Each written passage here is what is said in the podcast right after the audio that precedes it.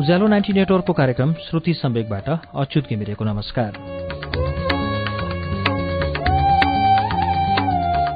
उज्यालो ninety network काठमाडौँसँगै देशभरिका विभिन्न FM स्टेशनहरूबाट एकैसाथ हरेक मंगलबार र शुक्रबार राति सवा नौ बजे कार्यक्रम श्रुति सम्वेक प्रसारण हुन्छ। श्रुति सम्वेकमा हामी वरिष्ठ लेखकहरूका उत्कृष्ट कृतिहरू वाचन गर्छौं।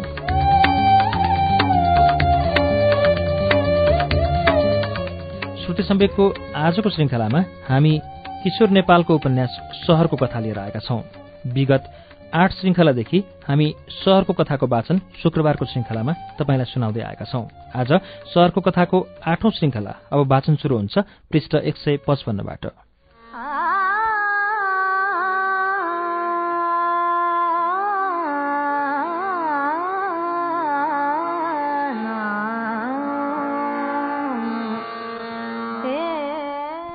मिटिङमा मैले सबैसँग भनेको थिएँ।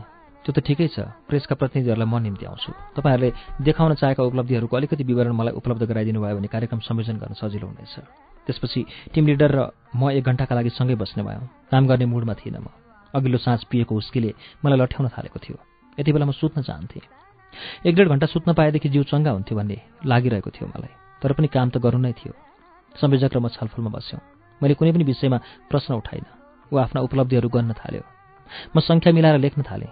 एउटा चार पेज लामो प्रेस नोट तयार भयो। त्यो प्रेस नोटमा विगत एक वर्षको अवधिमा नेपालका चौवन्नवटा जिल्लामा अडतिसवटा धाराको व्यवस्था गरिएको सत्रवटा जिल्लामा सात हजार विस्थापित परिवारको पहिचान गरिएको कैलाली जिल्लाका कमैया मुक्तिका लागि पचहत्तरवटा गैर सरकारी संस्थाहरूलाई कमैया प्रथाविरुद्ध परिचालन गरिएको विकास कार्यमा जुटेका दाताहरूको काममा अन्तर्राष्ट्रिय सन्धि सम्झौता र मान्यता अनुरूप अवरोध नपुर्याउने आह्वान गर्दै पचपन्नवटा जिल्लाका सदरमुकाममा सूचना पाठी राखिएको हिंसात्मक द्वन्द्वका बेला मारिएका मानिसको सम्झनामा सहयोगी संस्थाहरू मार्फत शोकसभा आयोजना गरी मैनबत्ती बालिएको। देशका पूर्वी र पश्चिमी भागका केही सहरमा समलिङ्गी नागरिक र उनीहरूका अधिकारबारे चेतना अभियान सुरु गरिएको जस्ता विवरण प्रस्तुत गरिएका थिए। संयोजकले यी उपलब्धिहरू जनाउँदै जाँदा म बडो कठिन अवस्थाबाट गुज्रिरहेको थिएँ। उसले दिएको उपलब्धिको विवरण सुनेर मलाई खितका छोडेर हाँस्न मन लागिरहेको थियो। त्यसरी हाँस्दा असभ्य बनिने भन्दा पनि मेरो व्यवसायमा धक्का पर्ने डरले नथिचेको भए म खुब हाँस्ने थिएँ।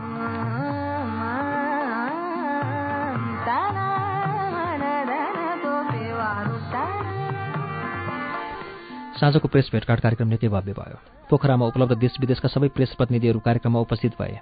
स्थानीय पत्रकारहरूको भिड नै लगाइदिएको थिएँ मैले। उनीहरू त्यसै पनि कृतज्ञ थिए किनभने मैले टिम लिडरलाई भनेर उसको नाममा जारी गरिने प्रेस नोट स्थानीय पत्र पत्रिकामा विज्ञापनका रूपमा छाप्नका लागि रकम निकासा गराएको थिएँ। पत्रकारहरूसँग भएको सम्झौता अनुसार उनीहरूले त्यो प्रेस नोटलाई मुख्य समाचारका रूपमा प्रकाशित गर्नुपर्ने थियो। त्यस बापत एक पेज विज्ञापनका लागि लाग्ने जति शुल्क पत्रकारहरूलाई बुझाउन संयोजक तयार थियो। एकजना परिचित पत्रकार मार्फत मैले सबै पत्रकारलाई सन्देश पठाइदिएको थिएँ। समाचारसँग टिम लिडरको फोटो पनि छापिदिए झनै राम्रो किनभने यसले संस्थासँग तपाईँहरूलाई तपाईँहरूको सम्बन्धलाई स्थायित्व दिन मद्दत पुर्याउनेछ।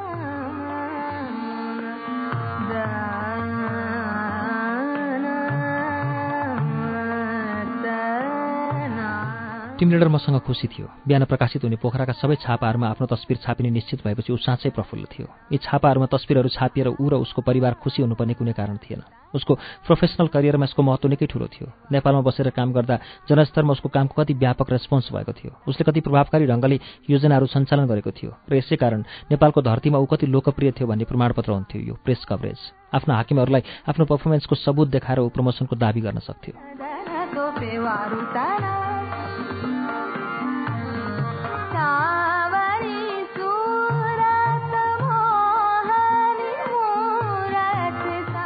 साँझको पार्टी रमाइलो मात्रै भएन। अद्भुतकै अनुभव साबित भयो।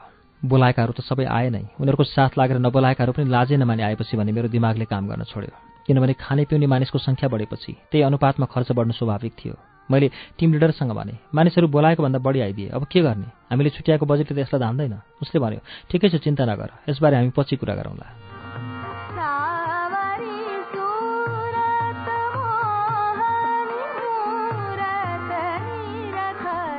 त्यसपछि टिम लिडरले पत्रकार सम्मेलन गर्यो। टेलिभिजन र स्टिल क्यामेराका लाइटहरू झल्याकझुलुक भए। उसले पत्रकारहरूलाई दिउँसो तयार पारिएको विवरण पुरै पढेर सुनायो। सुनाउने ऊ त उसै पनि अभिभूत छँदै थियो। सुन्नेहरू सुनेर झन् अभिभूत भएका थिए। त्यसपछि सुरु भयो ककटेल डिनर।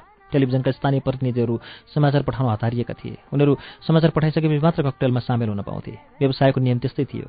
उनीहरूका लागि समाचार पठाउने सञ्चार सुविधा दाताहरूकै तर्फबाट उपलब्ध गराइएको थियो।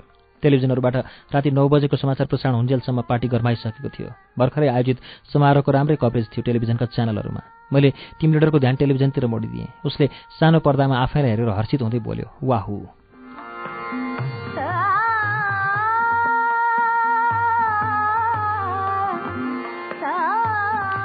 पार्टी अबेरसम्म चल्यो। साथीहरू मस्त थिए। मुलुकमा शान्ति प्रक्रिया सुरु भएपछि आयोजना गरिएको सम्भवतः यो नै ठुलो पार्टी थियो पोखरामा। टिम लिडर आफै पनि लामै समयसम्म पार्टीमा बस्यो। निकै बेरपछि पार्टी छिट्टै सकिनेवाला छैन भन्ने लागेपछि मात्रै उसले मलाई बिस्तारै भन्यो can you take care of this people I am little sleepy मेरा लागि एक प्रकारले यो उसको आदेश थियो। मैले भने that's okay you can go to sleep I will take care team leader बाहिरिएपछि सहभागीहरू बढी नै उन्मुक्त भए। त्यहाँ पोखराका सबै पेज थ्री पर्सनालिटीहरूको चर्चा हुन थाल्यो। सिङ्गापुर पुलिसमा कार्यरत कृष्णबहादुरकी श्रीमतीको स्थानीय एक युवा पत्रकारसँग झाँगिँदै गएको प्रेम प्रसङ्ग समाचारको शिखरमा थियो। स्थानीय एफएमकी एङ्कर प्रतिभा उज्यालीको प्रेम पलायन र नयाँ खुलेको बैङ्कको शाखा प्रमुखका रूपमा कान्तिपुरबाट आएकी रमिताको नखरा पार्टीका अन्य हेडलाइन थिए। यी यस्ता स्थानीय विषयहरू थिए जसमा मेरो खासै रुचि थिएन।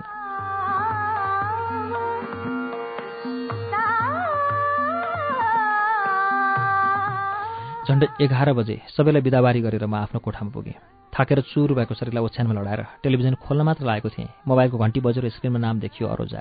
हेलो तिमी त कान्तिपुर जान्छु भन्थ्यौ। पोखरामै रहेछौ। किन ढाँटेको मलाई? तिमीलाई मैले ढाँटेको भए पनि के भयो त? तिमी आफैले कहिले सत्य बोलेकी छौ र मसँग? मैले उत्तर दिएँ। त्यसपछि ऊ केही बोलिनँ। मैले मोबाइल डिस्कनेक्ट गरिदिएँ। मोबाइल बज्न छाडेन। अरोजा मलाई पछ्याइरहेकी थिए। ऊ भन्दै थिए किन डिस्कनेक्ट गरेको? नगर न प्लिज मलाई तिमीसँग कुरा गर्नु छ। यो मध्यरातमा र दिनको उज्यालोमै पनि मलाई तिमीसँग कुनै कुरा गर्नु छैन। कुरै गर्नु छ भने भोलि बिहान गर्नु। अहिले म थाकेको छु। मलाई निद्रा लागेको छ। सुन्नै पर्ने भए भोलि बिहानै सुनौला तिम्रो कुरा। उसले भने कति बजी आउँ? म आउँदा तिमी भएनौ भने नि? मैले जवाफ दिएँ मेरो फ्लाइट दिउँसो तिन बजी मात्रै छ।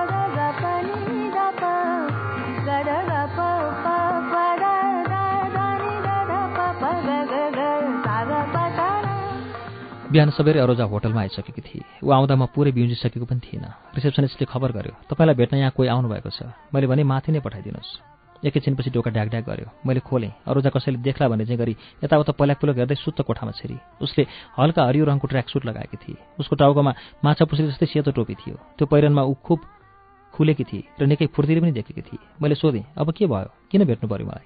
उसले मेरो अनुहारमा नहेरिकनै जवाफ दिए इट्स ओके। सो सो त्यत्तिकै भेट्न मन लाग्यो। त्यसपछिका केही बेर ऊ एक शब्द पनि बोलिन ऐनामा आफ्नो अनुहार निहाल्न लागि। उसले आफ्नो गालामा आएको सानो पिम्पल्समा हात पुऱ्याएर त्यसलाई कोट्याउन थाली। सायद ऊ त्यसलाई निचर्न चाहन्थे।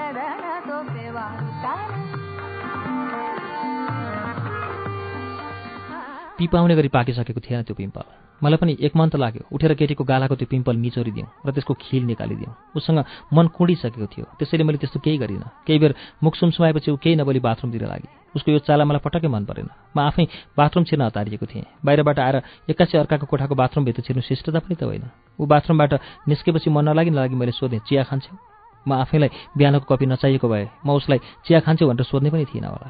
मलाई उसँग बोल्ने मनै थिएन। कहिले उसको मुख हेर्न नपरे पनि हुन्थ्यो भन्ने लागिरहेको थियो मलाई। उसको अनुहार राम्रै भए पनि राम्रो लागिरहेको थिएन मलाई त्यति बेला।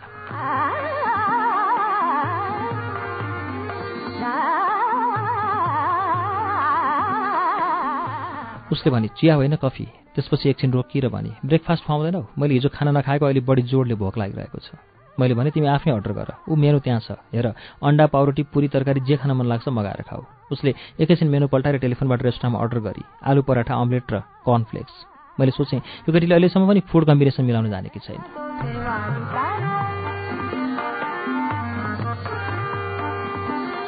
निकै बेरसम्म कोठा निस्तब्ध रह्यो। उसले वा मैले सास फेरेको आवाजसम्म पनि सुनिएन। ऊ फिल्मफेयरको एउटा पुरानो अङ्क पल्टाएर ऋतिक रोशनका मसलाहरूमा मसलहरूमा एक काग्रो हुन खोजिरहेकी थिए। म उसमाथि कुनै ध्यानै नदिएको अभिनय गर्दै थिएँ। उसको ब्रेकफास्ट र मेरो कफी एकैसाथ आयो। मैले आफूलाई कालो कफी कपमा हालेर सोधेँ कफी बनाइदिनुपर्छ कि आफै बनाउँछौ? ऊ केही बोलिन चुपचाप परोठा टोक्न थाली। उसलाई देखेर मलाई अलिकति पनि खुसी भएको थिएन। उसले खाएको हेरेर भने मलाई निकै रमाइलो लागिरहेको थियो। उसको बेहोरा पुरै बदलिएको थियो र पनि ब्रेकफास्ट भने उस स्वादले खाइरहेकी थिए।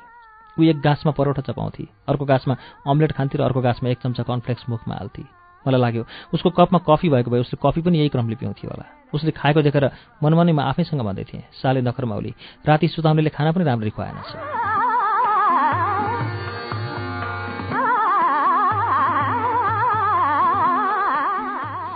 ब्रेकफास्ट खाइसकेपछि उसले सोधी तिमी सोलोमन हेनरी वर्नेरलाई चिन्छौ?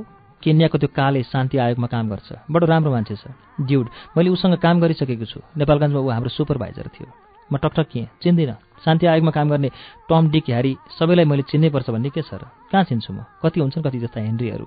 सबैलाई चिनेर साध्य लाग्छ र उसले फेरि सोधी शोभनलाई त पक्कै चिन्छ होला नि? तिमीले नचिनेका राम्री केटीहरू पनि होला नि र कान्तिपुरमा? उसको प्रश्नले मलाई अलिकति इरिटेट गरायो। मैले जवाफ दिएँ म सहरभरिका छाडा केटीहरूलाई के खाएर चिन्छु र? उसले भनी अम्लेसलाई त पक्कै चिन्छ होला। अम्लेस चौरसिया बिहारी भए पनि मान्छे विदेशी जस्तै छ।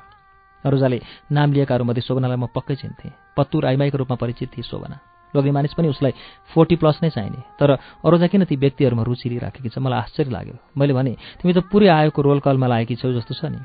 उसले जवाब दियो होइन हामी सँगै पोखरा आएका। सोलोमनले घुम्न जाउँ भने म दिक्क भएर कान्तिपुरमा भौतारिरहेको थिएँ त्यसैले।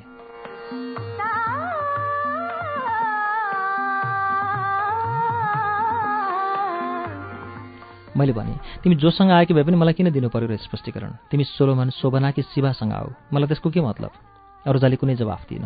ऊ घोसे मुन्टु लगाएर एकहोरो कोठामा बिछाइएको कार्पेटलाई गोडाको नङले कोट्याउन थाली। निकै बेर यसरी घोत्लिसकेपछि उसले रुन्चे स्वरमा भने मेरो मनको कुरा तिमी मात्र बुझ्न सक्छौ। तिमी मात्र मेरो असल मान्छे हो। तिमीलाई मैले मेरो प्रेमी मानेकी छु। भलै प्लेटोनिक होस् आयोगको जागिर छुटेपछि मसँग गर्ने काम केही थिएन। तिमीले त मेरो कामका बारेमा कहिले सोच्दै सोचेनौ। म साँझ बिहान र फुर्सदका बेला विदेशीहरूलाई सामान्य नेपाली भाषा सिकाउन थालेँ। मलाई सोलोमनले पनि नेपाली भाषा सिकाइदिन भन्यो। त्यसैले साँझ साँझ म उसलाई पढाउन जान थालेँ। उसको घरमा अम्लेसलाई मैले त्यहीँ चिनेको हो।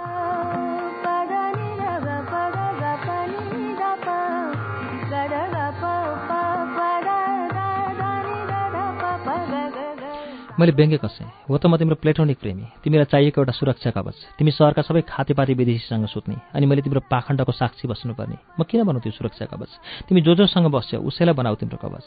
अरूजा केही बोलिन। ऊ मलाई जवाफ फर्काउने शब्दहरू खोज्दै थिए। म उसको अनुहारमा हेरिरहेको थिएँ। उसको आँखा चिम्सा भइसकेका थिए र झन्झन चिम्सा हुँदै गएका थिए। ती आँखामा निकै बेरसम्म आँसु रसाइरहे। यस्तो लाग्थ्यो। ऊ कोकिएर रुन चाहन्छे मनमा परेको कुनै कसैलो गाँठोले मात्र उसको आँसुको भेला रोक्न खोजेको छ।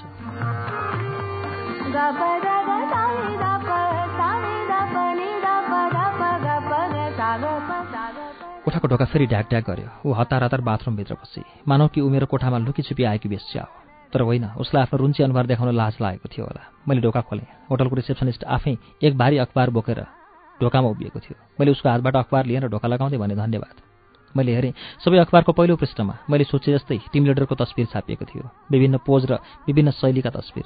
एउटा छापाले तस्विरको मुनतिर ठुलो साइजको क्याप्सन राखेर नेपाली विकासमा विदेशी सहयोगको निकै आकर्षक शब्दचित्र पनि उतारेको थियो। तर नेपालको एउटा गाउँमा पाँच हजार मूल्यको एउटा धारो गाड्न विदेशीहरू पाँच लाख खर्च गर्छन् भन्ने कतै पनि उल्लेख गरेको थिएन।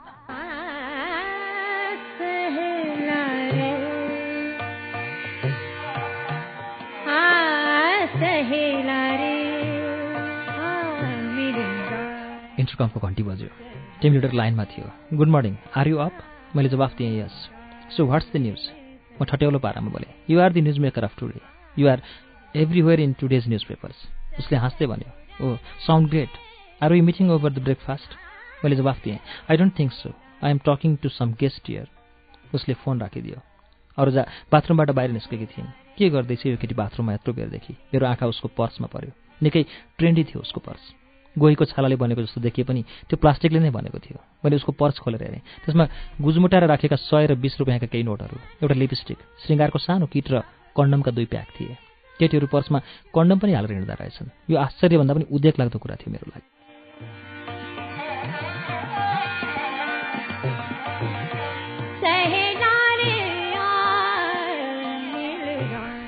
अरूचाको यो रूपका बारेमा त मैले कहिले सोचेको नै थिएन मेरो लागि यो अर्को प्रहार थियो। मैले ब्याग बन्द गरेर थापत राखिदिएर सोच्न थालेँ। मानिसहरू जे भन्छन् र जे देखिन्छन् त्यो त हुँदै हुँदैनन्। ऊ बाथरुमबाट बाहिर निस्किएर भने तिमी आधा घन्टा मेरो कुरा सुन्न सक्छौ? मलाई उसको कुनै कुरा सुन्नु त थिएन। तैपनि भने भन के भन्नु पर्यो अरूजा गम्भीर भई निकै शान्त मुद्रामा उसले मलाई बताउन थाली। सोलोमनले मेरो लागि आयोगमा ट्राई गर्छु भनेको छ। अम्लेस पनि मलाई जागिर खुवाउने पक्षमा छ। शोभना मेरो पक्षमा छ कि छैन मलाई थाहा छैन। आइमाईहरू त कहिले पनि आइमाईको पक्षमा हुँदैनन्। म सोलोमनलाई पछ्याउँदै यहाँ आएकी हुँ। अहिले यिनीहरूको कुरा सुनेर म रमाउन मात्र होइन रोमाञ्चित हुन पनि थालेकी छु। सोलोमन त खासै केही कुरा गर्दैन तर अम्लेस बारम्बार क्रान्तिको कुरा गर्छ। अम्लेसका कुरामा बेला बेलामा सोलोमन पनि आफ्नो सहमति जनाउँछ। शोभना झन्चर्का कुरा गर्छ। यिनीहरू धेरैजसो लिबरेसनको कुरा गर्छन् मानव मुक्तिको कुरा। स्लेभरीका विरुद्ध लड्नुपर्छ भन्छन्। जहाँका जनताले विद्रोह गरे पनि त्यसलाई सघाउनुपर्छ भन्छन्। के हुन्? को हुन् यी? मैले त बुझ्नै सकिनँ।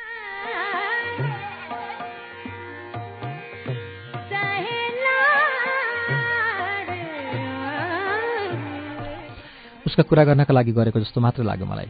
मैले जवाफ दिएँ अचेल यस्तो कुरा सबैले गर्छन्। उनीहरूले पनि गरे भने के नयाँ कुरा गरेछ? उसले भने त्यति मात्रै होइन। बेला बेलामा यिनीहरू बम पड्काउने कुरा पनि गर्छन्। हामी आएकै दिन राति अबेरसम्म बियर पिउँदा पिउँदै उसको मोबाइलमा कल आएको थियो। कुनै विदेशी भाषामा कुरा गरिसकेपछि अम्लेस अचानक कराएको थियो revolutionaries of the world unite. मान्छेहरू साह्रै रमाइला छन्। रमाइलो कुरा पनि रमाइलो गर्छन्। कहिले चाहिँ उनीहरू साह्रै डरलाग्दो कुरा गर्छन्।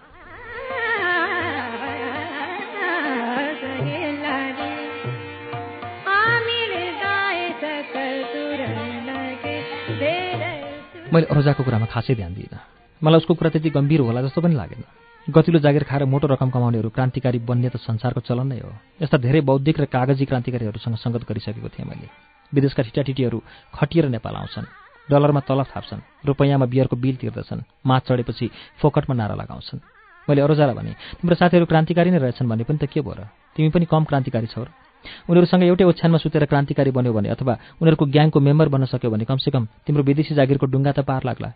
अरोजाले मेरो यो सोझो वाक्य नबुझ्ने कुरै थिएन। उसले मैले चित्त दुखाएको छु भन्ने बुझिसकेकी थिए। म बोलुन्जेल ऊ घोसे मुन्टो लगाएर बसेकी थिएँ। म चुप लागेपछि अलिकति मुन्टो उठाई। मलाई हेरेर फिस्सा हाँसी। त्यसपछि केही पनि बोलिनँ।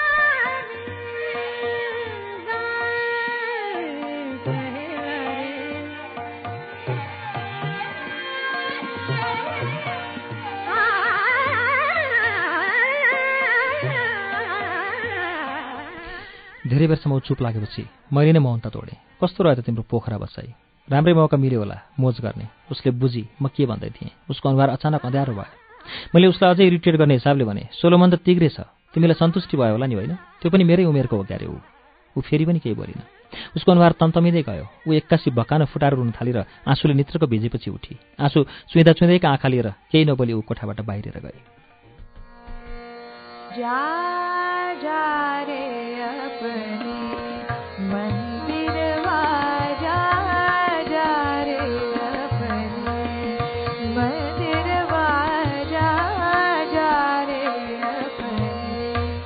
पोखराबाट फर्केपछि अरू जससँग मेरो भेट भएन। उसले मलाई मेल पनि पठाइन मेसेज पनि पठाइन र कल पनि गरिन। घरिघरि मेरो मनको छेउछाउमा उसको सम्झना नआएको होइन तर मैले ती सम्झनाहरूलाई मनभित्र रहेको सम्झनाहरूको खातमा नै थन्काइदिएँ। उसलाई सोलोमनले भोग्छ भने मैले किन सम्झिनु र माया गर्नु? तैपनि कति कति बेला अरूजसँग सम्पर्क राखौँ जस्तो नलागेको होइन। उसँग सम्बन्ध सूत्र जोड्ने बित्तिकै समय आफै लम्बिन थाल्दथ्यो। मसँग त्यति समय पनि थिएन।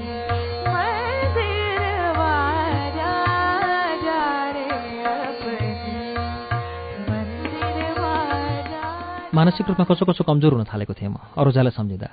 ऊ बिर्सिहाल्न सकिने पात्र पनि थिएन। उसले मसँग जागिर बाहेक अरू कुनै आशा गरेकी थिए जस्तो मलाई कहिले लागेन। अलिकति म्याचो भएर उसलाई भोग्न खोजेको भए त्यो असम्भव थिएन। उसले चिन्जान भएको दिनदेखि नै मसँग सेक्सको सम्बन्ध राख्न नखोजेकीले। मैले लगभग निस्वार्थ राखेको थिएँ उसँगको मेरो सम्बन्ध। उसको विदेशी संस्थामा जागिर खाने उत्कट आशा त मैले पुरा गर्न सक्ने खालको पनि थिएन।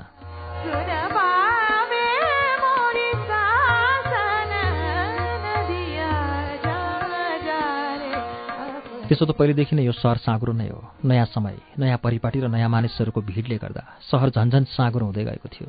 दिनहुँ हुने हडताल बन्द र लोड सेडिङले अस्तव्यस्त हुँदै गएको सहरमा उन्नतिका सम्भावना कहिले वात्तै बढ्दथे र कहिले वात्तै घट्दथे। सधैँ हतारमा देखिने हरेक मानिस सहरबाट जतिसक्दो छिटो उम्किन चाहन्थ्यो। सहर पसिसकेपछि गाडी नै पर्ने बाध्यतामा बाँधिएका थिए सबै। सहर बसोबासको केन्द्रभन्दा पनि बढी ट्रान्जिट पोइन्ट बनेको थियो। रेलवेको एउटा ठुलो प्लेटफर्म जस्तो ठाउँ जहाँ कति मानिसहरू रेल चढिरहेका हुन्छन् कति रेल पर्खिरहेका हुन्छन् कति रेलको स्पिड समात्न नसकेर छुटिरहेका हुन्छन् र कति टिकट नपाएर छटपटाइरहेका हुन्छन्।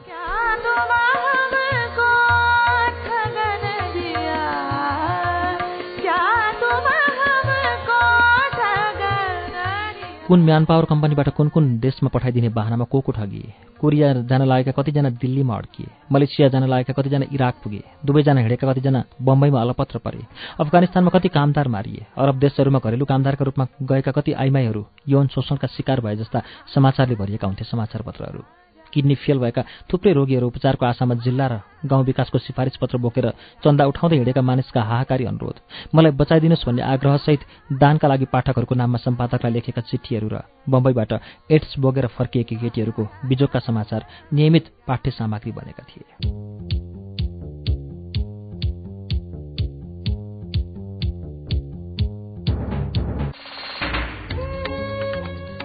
कार्यक्रम श्रुति सम्वेकमा हामीले अहिले सुनिरहेको वाचन किशोर नेपालको उपन्यास सहरको कथाको वाचन हो। यसको बाँकी अंश केही बेरमा वाचन हुनेछ। उज्यालो सुन्दै गर्नुहोला।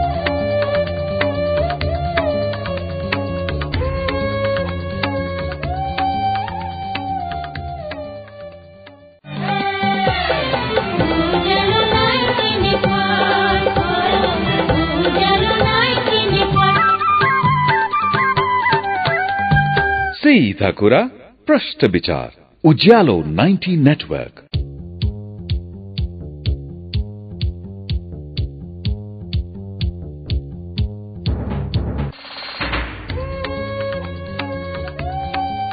कार्यक्रम श्रुति सम्वेक तपाईँ अहिले उज्यालो नाइन्टी नेटवर्क काठमाडौँसँगै इलाम एफएम रेडियो ताप्लेजुङ झापाको एफएम मेचिट्युन्स र बिर्ता एफएम धरानको विजयपुर एफएम भोजपुरको रेडियो चोमलुङमा एफएम सिन्धुलीको रेडियो सहारा खोटाङको हलेसी एफएम बर्दिवासको रेडियो दर्पण सर्लाहीको रेडियो एकता रौतहटको नुन्थर एफएम रामेसापको रेडियो तीनलाल खोटाङको हलेसी एफएम दोलखाजिरीको रेडियो हिमाली नुवाकोट एफएम मकवानपुरको हेटौँडा एफएम र प्रतिध्वनि एफएम चितवनको रेडियो अर्पण रेडियो त्रिवेणी र रेडियो चितवनमा पनि सुनिरहनु भएको छ। त्यसै गरी फलेवासको रेडियो पर्वत रुकुमको रेडियो सिस्ने पाल्पाको श्रीनगर एफएम पोखराको रेडियो तरंग दमौलीको रेडियो भानुभक्त तनहुको रेडियो ढोर बाराही बागलुङको रेडियो सार्थी एफएममा पनि श्रुति सम्वेक सुन्दै हुनुहुन्छ। रेडियो प्युठान दाङको रेडियो मध्यपश्चिम बुटवलको तिनाव एफएम र बुटवल एफएम गुल्मीको रेडियो रेसुङ्गा कपिलवस्तुको रेडियो बुद्ध आवाज रेडियो कोवलपुर सल्यानको रेडियो राप्ती जाजरकोटको रेडियो हाम्रो पाइला दैलेखको ध्रुवतारा एफएम कैलाली टेकापुर र गुलरियाको फुलबारी एफएम दाङको रेडियो प्रकृति एफएम सुर्खेतको रेडियो भेरी र बुलबुले एफएम जुम्लाको रेडियो कर्णाली हुम्लाको रेडियो कैलाश र कालीकोटको रेडियो नयाँ कर्णालीबाट पनि अहिले एकैसाथ श्रुति सम्वेक प्रसारण भइरहेको छ। श्रुति सम्वेकमा हामी किशोर नेपालको उपन्यास सहरको कथाको वाचन सुनिरहेका छौं। अब यसको बाँकी अंश वाचन सुनौ।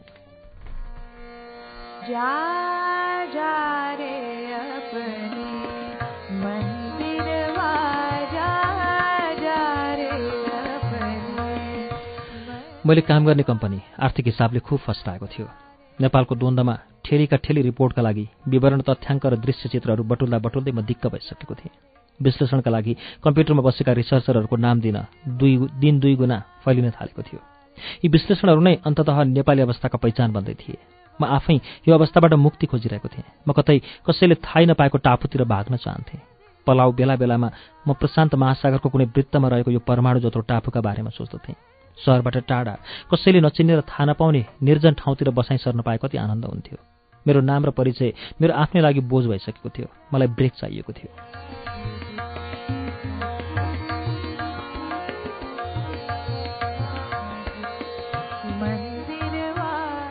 विभिन्न मानसिक अवस्थाहरूमा धेरैपल्ट मैले देश छोडेर हिँड्ने कुरा नसोचेको होइन। तर कहाँ जाने? मैले कुनै गन्तव्य ठम्याउन सकेको थिएन।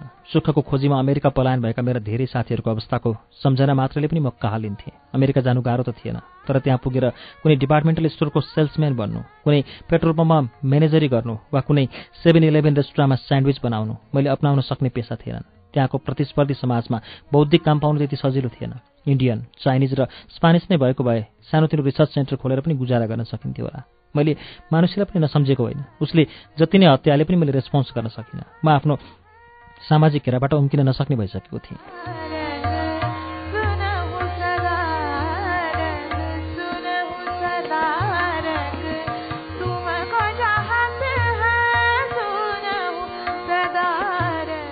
समाज खुला हुँदै गएपछि विदेश पसेका नेपालीहरूको पनि पोल खोल्न थालेको थियो। ठुल्ठुला डिङ हाँक्न मात्रै सिपालु जहाँ गए पनि वर्गीय र जातीय हिसाबले स्वार्थी लोभी र आत्मकेन्द्रित थिए नेपालीहरू। शुद्ध खसीको मासु भुटन र ममचामा अत्याधिक रमाउने। बुद्ध र माउन्ट एभरेस्टको जतिसुकै बखान गरे पनि विश्वव्यापी रुचि तान्नका लागि ती बिम्बहरू मात्र पर्याप्त थिएनन्। जीवित बुद्धका रूपमा तिब्बतमा जन्मिएका दलाइ लामाको लोकप्रियता चुलिएको समयमा पच्चिस सय वर्ष अघि लुम्बिनीमा जन्मिएर ढुङ्गाको मूर्तिमा परिणत भइसकेका गौतम बुद्धको हैसियत नहुनु अस्वाभाविक थिएन। एभरेस्टको धवल छविले आठ दस हजार दुस्साहसी पर्यटकको ध्यान आकर्षित गर्न सके पनि त्यताका मानिसहरू एभरेस्टलाई तस्विरमा हेरेर रोमाञ्चित हुन्थे र त्यसैमा सन्तोष गर्दथे। कान्तिपुरमा बस्दा कल्पना गरेको नेपालको रोमाञ्चक छवि विदेश पुग्न साथ कालो बादलभित्र हराइसकेको हुन्थ्यो।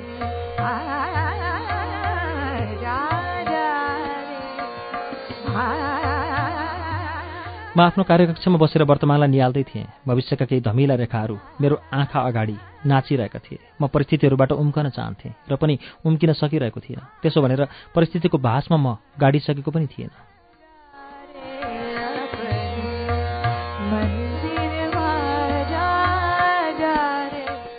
एक दिन कार्यकक्षमा बसिरहेका बेला एउटा टेलिफोन कलको रूपमा आएको आमन्त्रणले मलाई रोमाञ्चित तुल्याइदियो।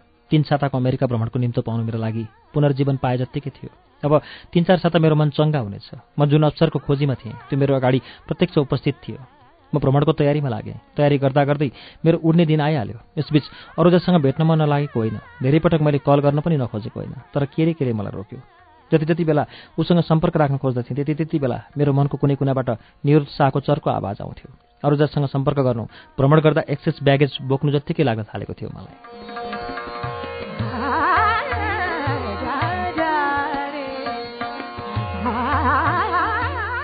अरूजासँग भेट्ने र नभेट्ने निर्णयको दोसानमा रहँदा रहँदै म उडिसकेको थिएँ अमेरिकातिर। न्युयोर्कको केनेडी एयरपोर्टमा नौरिँदासम्म अरोजा भित्तामा टाँसिएको पोस्टर जस्तै मेरो मनको भित्तामा टाँसिएर आँखामा नाचिरहेकी थिए। त्यो पोस्टरमा जागिर शब्दहरू र आँखाबाट झरिरहेका बलिन्द्रधारा आँसुका थोपाहरू एकनाशले अङ्कित भइरहेका थिए। यो भ्रम केही दिनसम्म टिक्यो। त्यसपछि म न्युयोर्क सहरको व्यस्ततामा हराउन थालेँ। आफैले आफैलाई खोज्नुपर्ने अवस्थासम्म म हराइरहेर हराइ नै रहेँ। तीन साताको कार्यक्रम सकिएपछि पनि मलाई देश फर्किहाल्ने खासै इच्छा भएन। अरू केही छ त विदेशमै बिताएर मात्र फर्किने निर्णय दियो मेरो मनले। म रित्तो हुनुको सम्पूर्ण आभासहरू लिएर त्यो विशाल सहरमा दिनहुँ भौतारी रहेँ कहिले म हडसन नदीको किनारै किनार बरालिन्थेँ र कहिले सबवेको मजा लुटिरहेको हुन्थेँ। यसरी एक्लै भौतारिनुको आफ्नै मजा थियो।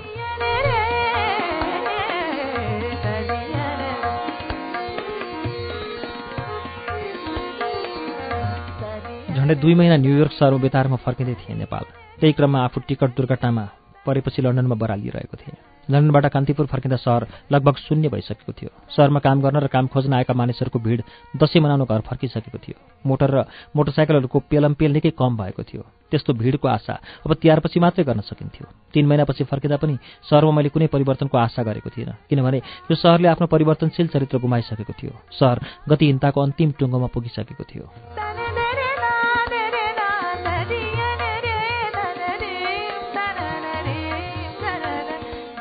लन्डनबाट फर्केपछि मैले अरोजालाई फोन गरी विचार गरेको थिएँ। तर फर्केको दसौँ दिन बितिसक्दा पनि मैले फोन गरिनँ। बडो अनौठो मनोदशामा थिएँ एकातिर उसको निर्बोध अनुहार मेरो आँखा अगाडि नाचिरहेको हुन्थ्यो। अर्कोतिर जबको चक्करमा विदेशीहरूसँग घुमिरहेको एउटी चालु केटीको अनुहार उपस्थित हुन्थ्यो। ती दुवै अनुहारको म तुलना गर्दथेँ। धेरै बेर घोत्लिन्थेँ र पछि आफैसँग सोद्धथेँ यी दुई अनुहारमध्ये कुन अनुहार सक्कली हो त अरोजाको एउटा मनले म उसलाई निरन्तर मिस पनि गरिरहेको थिएँ। अर्को मनले उसको आवाज नै सुन्नु नपरे हुन्थ्यो भन्ने अनुभूति पनि भइरहेको थियो। दिमागको आधा पाटोमा चञ्चल अरोजा छमछम नृत्य गरिरहन्थे र आधा पाटोमा उसको अनाकर्षक बोली र अनपेक्षित आग्रहहरू चलबलाइरहन्थे। मेरो मन प्रेमको अवस्थामा थिएन वितृष्णाको छेउमा पनि थिएन। यो के भएको मैले आफैलाई बुझ्न सकिरहेको थिएन।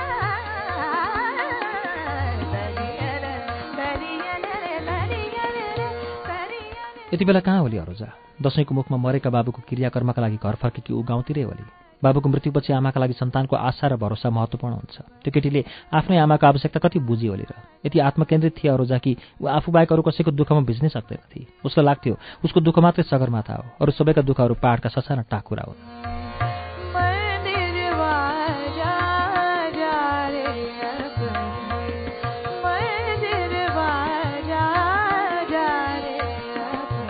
आखिर मेरो लिनुदिनु नै के थियो र? जीवनमा मैले अरू जस्ता सयौँ केटीहरूलाई चिनेको थिएँ। ती केटीहरू सुरु सुरुको यौवनको जोसमा केही गर्ने चाहनाले उत्साहित देखिन्थे। तीमध्ये कति आफूलाई उत्कृष्ट सुन्दरी ठान्दथे भने कति आफू सम्भावनाहरूको विशाल भण्डार भएको सोच्दथे। एक दुईजनासँग प्रेम गर्दथे र कि धोका पाउँथे कि धोका दिन्थे। त्यसपछि उनीहरू आफैमा खुम्चिन्थे बाबुआमाले खोजेको केटोसँग थुप्रोको बिहे गर्दथे बच्चा पाउँथे र त्यहीँ टुङ्गिन्थे। उनीहरूको फुर्ती र चुरीफुरी त्यहीँसम्म सीमित रहन्थ्यो। अरूजा पनि त्योभन्दा बढी कति नै परसम्म छलाङ मार्न सकिएर बाबुको बर्खिसकेपछि उसकी आमाले उसको बिहेको तर्खर गर्नेछिन्। एउटा गतिलो केटो खोज्नेछिन्। त्यसपछि ऊ कसैकी स्वास्नी भएर बिताउनेछ बाँकी जीवन।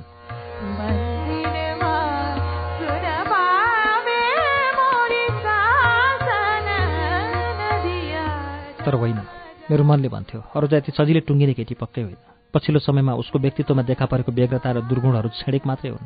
ऊ त्यत्तिकै हराइहाल्न सक्दिनँ। अरूजाभित्र दन्दनी दन्किरहेको दुस्साहसको आगोलाई मैले धेरैपल्ट तापेको थिएँ त्यो आगोको चर्को रापको बारे मलाई कुनै भ्रम थिएन। अचानक ऊ भित्रको त्यो आगो निभेको भएको कुरा बेग्लै हो। होइन भने अरूजा त्यत्तिकै ओइलेर झर्ने फुल पक्कै होइन। अरोजाको शारीरिक व्यक्तित्वले मलाई आकर्षित गरेको थिएन। चढ्दो बैंचमा जो पनि घोर्लिन्छ तर उसको व्यक्तित्वमा कौतूहलको जुन चुम्बक रहेको थियो त्यसले मलाई उतिर तानेको थियो। अरोजाको सम्भाव सम्झनाले मलाई सामान्य हुन दिइरहेको थिएन। म जतिसुकै ढिट भए पनि उसँग सम्बन्ध टुटेपछिको विचलित मानसिक अवस्थालाई अस्वीकार गर्न तयार थिएन।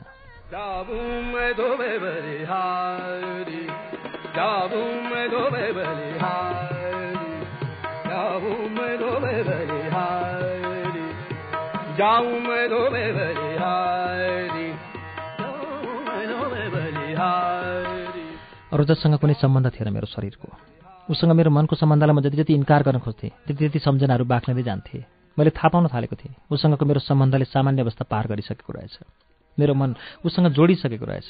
म जति जति सम्बन्धको गाँठो छिनाल्न चाहन्थेँ त्यति त्यति त्यो गाँठो पसिँदै गएको रहेछ। मेरो कोठाको भित्तामा एउटा सानो चङ्गा झुन्डाएको थिएँ मैले। यो चङ्गा। अरोजाले मलाई मेरो जन्मदिनको उपहारका रूपमा दिएकी थिए। त्यति बेला उसले भनेकी थिए मैले आफैले बनाएको यो चङ्गा। बडो ध्यान दिएर बनाएको छु मैले यसलाई हेर।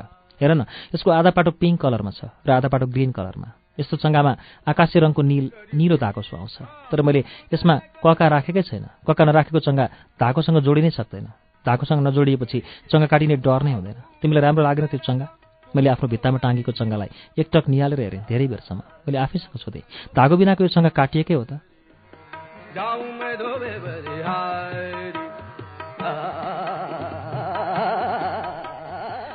भावनाको एक चरम आवेशमा मैले अरूजालाई कल गरेँ। जवाफ आयो। तपाईँले सम्पर्क गर्नु खोज्नुभएको मोबाइलको स्विच अफ गरिएको छ। झन्डै पचास पटक जति मैले अरूजासँग सम्पर्कको प्रयास गरेँ। पचासै पटक मोबाइलको स्विच अफ गरिएको सूचना आइरह्यो। अन्त्यमा केही नलागेर मैले message लेखेँ where are you how are you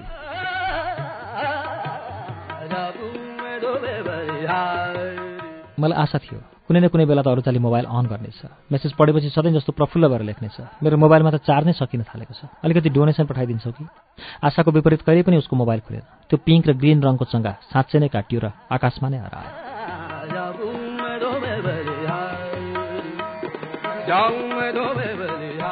मन बडो खतरनाक हुन्छ। आफूले सोचेका कुराहरू पुरा भएनन् भने जीवनभर त्यो बिजाइरहन्छ अरूजासँग सम्पर्क स्थापित हुन नसकेपछि मेरो पनि मन उच्चाटिन थाल्यो। म आफूलाई निकै कठोर मनको मानिस ठान्ने गर्दथेँ। भावनाहरूले थिच्न र गिजोल्न नसक्ने स्टिलले बनेको मानिस। अरूजाले भने जस्तो पाषाण मुटु भएको मानिस।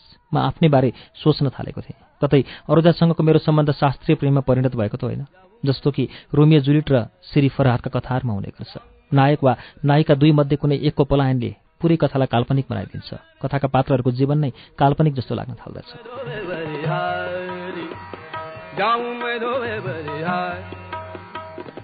प्रेमको शास्त्रीय परिभाषामा प्रेमी आफ्नै प्रेमिकाका लागि ताराहरू टिपेर ल्याउने बाछा गर्दछ मैले जीवनमा अरोजासँग मात्रै होइन कतिसँग पनि त्यस्तो बाछा कहिल्यै गरेको थिएन। तैपनि म यस्तो अवस्थामा पुगेको थिएँ जहाँ मानिस आफ्नो बसमा आफै हुँदैन। कहिलेकाहीँ साथीभाइहरूसँग पिउन बस्दा म भड्किन थालेको थिएँ। रक्सीले अलिकति मत्याएपछि अरोजाको नाममा मोबाइलको बटन दबाउने गर्दथेँ। उसको मोबाइलको स्विच अफ छ भन्ने थाहा हुँदाहुँदै पनि कतै उसले आफ्नो नम्बर त फेरेकी छैन? कतै उसले आफ्नो सिम कार्डलाई नङले कोतरेर कामै नलाग्ने तुलाएकी त छैन? कतै उसको बिहे त भइसकेको छैन?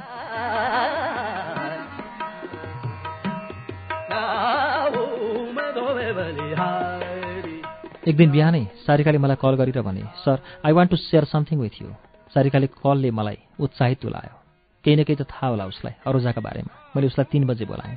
सारिका समयको कदर नगर्ने मानिसका रूपमा लगभग बदनाम नै थिए। कतिपटक त ऊ मसँग समय लिएर पनि भेट्न आएकी थिएन। कतिपटक समयभन्दा पहिले नै आइपुग्थे र कतिपटक समय घर्किसकेपछि। उसले जवाफ दिए हुन्छ सर म तिन बजे आउँछु। अफिसमै आउँ कि कहाँ? मैले उसलाई अफिसमा भेट्न चाहिनँ किनभने अफिसमा कुरा गर्ने वातावरण नमिल्न पनि सक्थ्यो। मैले भने तिमी मलाई मङ्गुलर क्याफेमा भेट। मङ्गलुर क्याफेमा भेट। हामी कफी पिउँदै गफ गरौँला। तिन बजे नै आऊ तिमी। सक्दिनौ भने बरु अहिले नै भन। चार बजीसम्म तिमीलाई जहाँ भन्छु त्यही भेट्न सक्छु।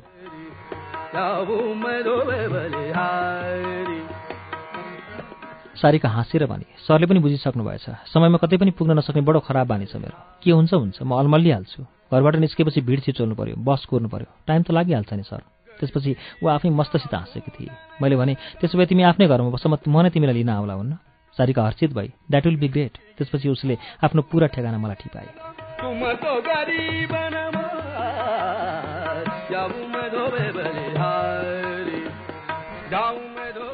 झन् त्यही दिन समय कट्न सकेन।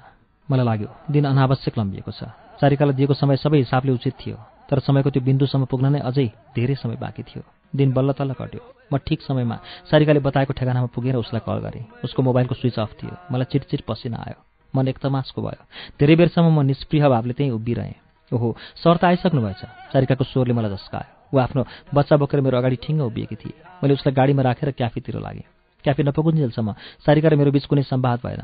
बोली फुट्ने बेलाको उसको बच्चा अस्पष्ट शब्दमा आफ्नै आमासँग केही भन्न खोज्दै थियो।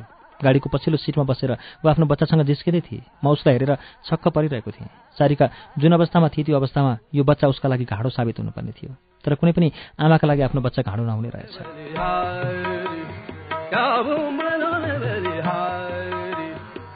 क्याफेको टेबलमा बसिसकेपछि सारिका आफ्नो कुरा सुनाउन थाली। ऊ के भन्दै थिए म उसको एउटै शब्द पनि बुझिरहेको थिइनँ। खालि उसको आवाज मात्रै सुनिरहेको थिएँ बुझे पनि नबुझे पनि उसको कुरामा ऊ र हो भन्दै सही थपिरहेको थिएँ।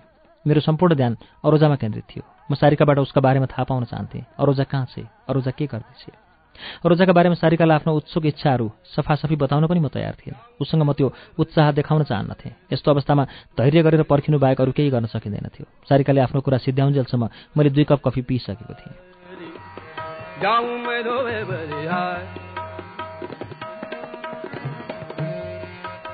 कुरा सकिएपछि सारिकाले भने सरले कुरा बुझ्नु भएन कि क्या हो? मैले त आफ्नो काम गरिसकेँ। अब तपाईँले जज गर्नु पऱ्यो र त्यसलाई छपाउन सिफारिस गरिदिनु पऱ्यो मैले सरलाई मेल गरिसकेकी छु। म झल्यास भएँ यत्रो बेरसम्म उसले के भने मैले केही सुनेकै थिइनँ। उसका शब्दहरू मेरो कानमा त्यत्तिकै बजिरहेका थिए बिना अर्थ। अरूजाप्रतिको एकाग्रताले मलाई कति विस्मृत बनाइसकेको रहेछ मैले कुरा छल्न खोज्दै भने म गर्छु तिम्रो जजमेन्ट तिमी ढुक्क हो। क्याफेबाट उठ्ने बेलामा मैले केही थाहै नपाए जस्तो गरी उसँग सोधेँ। ती तिम्रो साथी कहाँ छिन् आजकल? के अरे तिनको नाम? सारिकाले भने कुन साथी? अरोजा? हो हो उनै। अचेल कहाँ छिन् तिनी? खै सर अचेल ऊ कहाँ चाहिँ के गर्दैछ? उसँग त मेरो सम्पर्क नै छैन। मलाई उसको बारेमा केही पनि थाहा छैन। केही महिना अगाडि भेटेकी थिएँ। उसको बुबाको स्वर्गवास भएछ। गाउँबाट आएको भन्दै थिए। बडो गम्भीर देखिन्थे। मानिस भएर जन्मिएपछि कि क्रान्ति गर्न सक्नुपर्छ होइन भने नसाले लट्ठिएर सुत्नुपर्छ भन्थे। बडो एकोरिएकी थिए मलाई त मेन्टल भइछ कि भनेर डर पनि लाग्यो। साथीहरूले उसलाई ठमेलतिर देखेका थिए अरे एउटा काले र एउटा मधेसीसँग घुम्दै थिए अरे बुबाको स्वर्गवासपछि आर्थिक होली बिचरा के गरोस् त्यसले पनि? त्यो पनि म जस्तै हो। त्यसको पनि सपोर्ट बेस छैन। मान्छे अलिकति सेन्टी छ।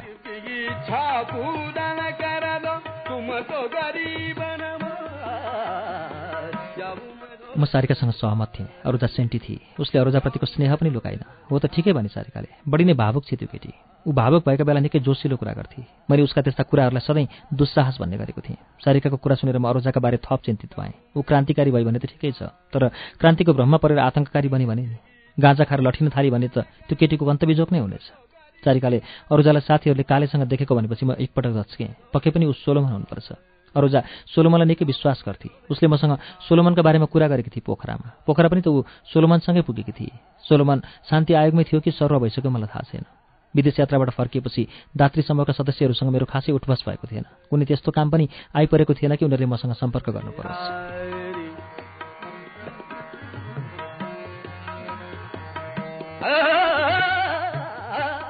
कसरी सम्पर्क गर्ने सोलोमनसँग? उसँग सम्पर्क नगरी अरूजाका बारेमा थाहा पाउने अर्को कुनै बाटो थिएन। सामान्यभन्दा पनि पातलो चिन्जान थियो सोलोमनसँग मेरो। ऊ नीति निर्माणको तहमा थिएन शान्ति आयोगमा। अफिसर लेभलको एउटा क्लर्क मात्र थियो तल्लो तहका जब होल्डरहरूसँग मेरो काम पर्दै पर्दैन थियो। सोलोमनसँग सम्पर्क गर्नु त्यति कठिन नभए पनि उसँगको मेरो सम्पर्क आफैमा एउटा घटना हुन सक्थ्यो। सधैँ नीति निर्माणको तहमा काम गर्ने पदाधिकारीहरूसँग मात्र हाँसखेल र ठट्टा गर्ने म जस्तो एउटा कथित प्रतिष्ठित व्यक्तिले एकैपल्ट पर्सनल विभागको अफिसरसँग सम्पर्क गर्नु समाचारको विषय पनि भन्न सक्थ्यो। मनमा उहा पोहहरू बोकेर मैले सारिकालाई नजिकैको बस स्टपमा छाडिदिएँ। त्यसपछि अरूजसँग भेट हुन सक्ने आशाको एउटा झिनो डोरीमा अल्झेर ठमेलतिर लागेँ। मनमा अलिकति आशा पलाएको थियो कतै ठमेलका गल्लीहरूमा ऊ फेला परिहाल्छ कि? ठमेलमा उसलाई मनपर्ने धेरै पसलहरू थिए। ऊ अक्सर फेसनका कुरा गर्दा ठमेलबाट नै सुरु हुन्थे। किताबका कुरा गर्दा पनि ऊ ठमेलमा पाइने सेकेन्ड ह्यान्ड बुक सपहरूको चर्चा गर्थे। म उसलाई मनपर्ने सेकेन्ड ह्यान्ड बुक सप र एक दुईवटा बुटिकभित्र छिरेँ। टोल सानो भएर पनि ठुलो भिडलाई धानिरहेको ठमेलको विशालताभित्र अरूजालाई खोज्नु सजिलो थिएन। फेरि ऊ यहाँ होली भन्ने मैले कल्पनै मात्र थियो। ऊ नेपालमा नै हुनुपर्छ भन्ने केही थिएन।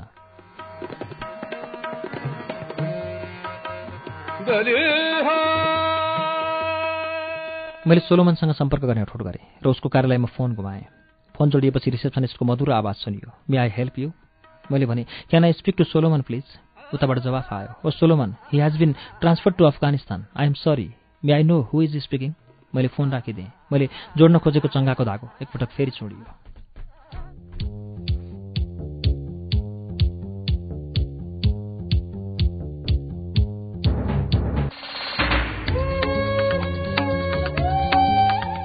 श्रुति सम्वेकमा अहिले हामीले सुनेको भाषण किशोर नेपालको उपन्यास सहरको कथाको आठौं श्रृङ्खला वाचन हो। यसै वाचनसँगै अब आजलाई कार्यक्रम श्रुति सम्वेकबाट विदा लिने बेला भएको छ। विदा हुनु अघि हाम्रो ठेगाना कार्यक्रम Shruti Sambeg Ujyaalo ninety network post box number छ चार छ नौ काठमाडौँ। यदि तपाईँ इमेलबाट आफ्नो प्रतिक्रिया दिन चाहनुहुन्छ भने हाम्रो इमेल ठेगाना Shruti at UNN dot com dot NP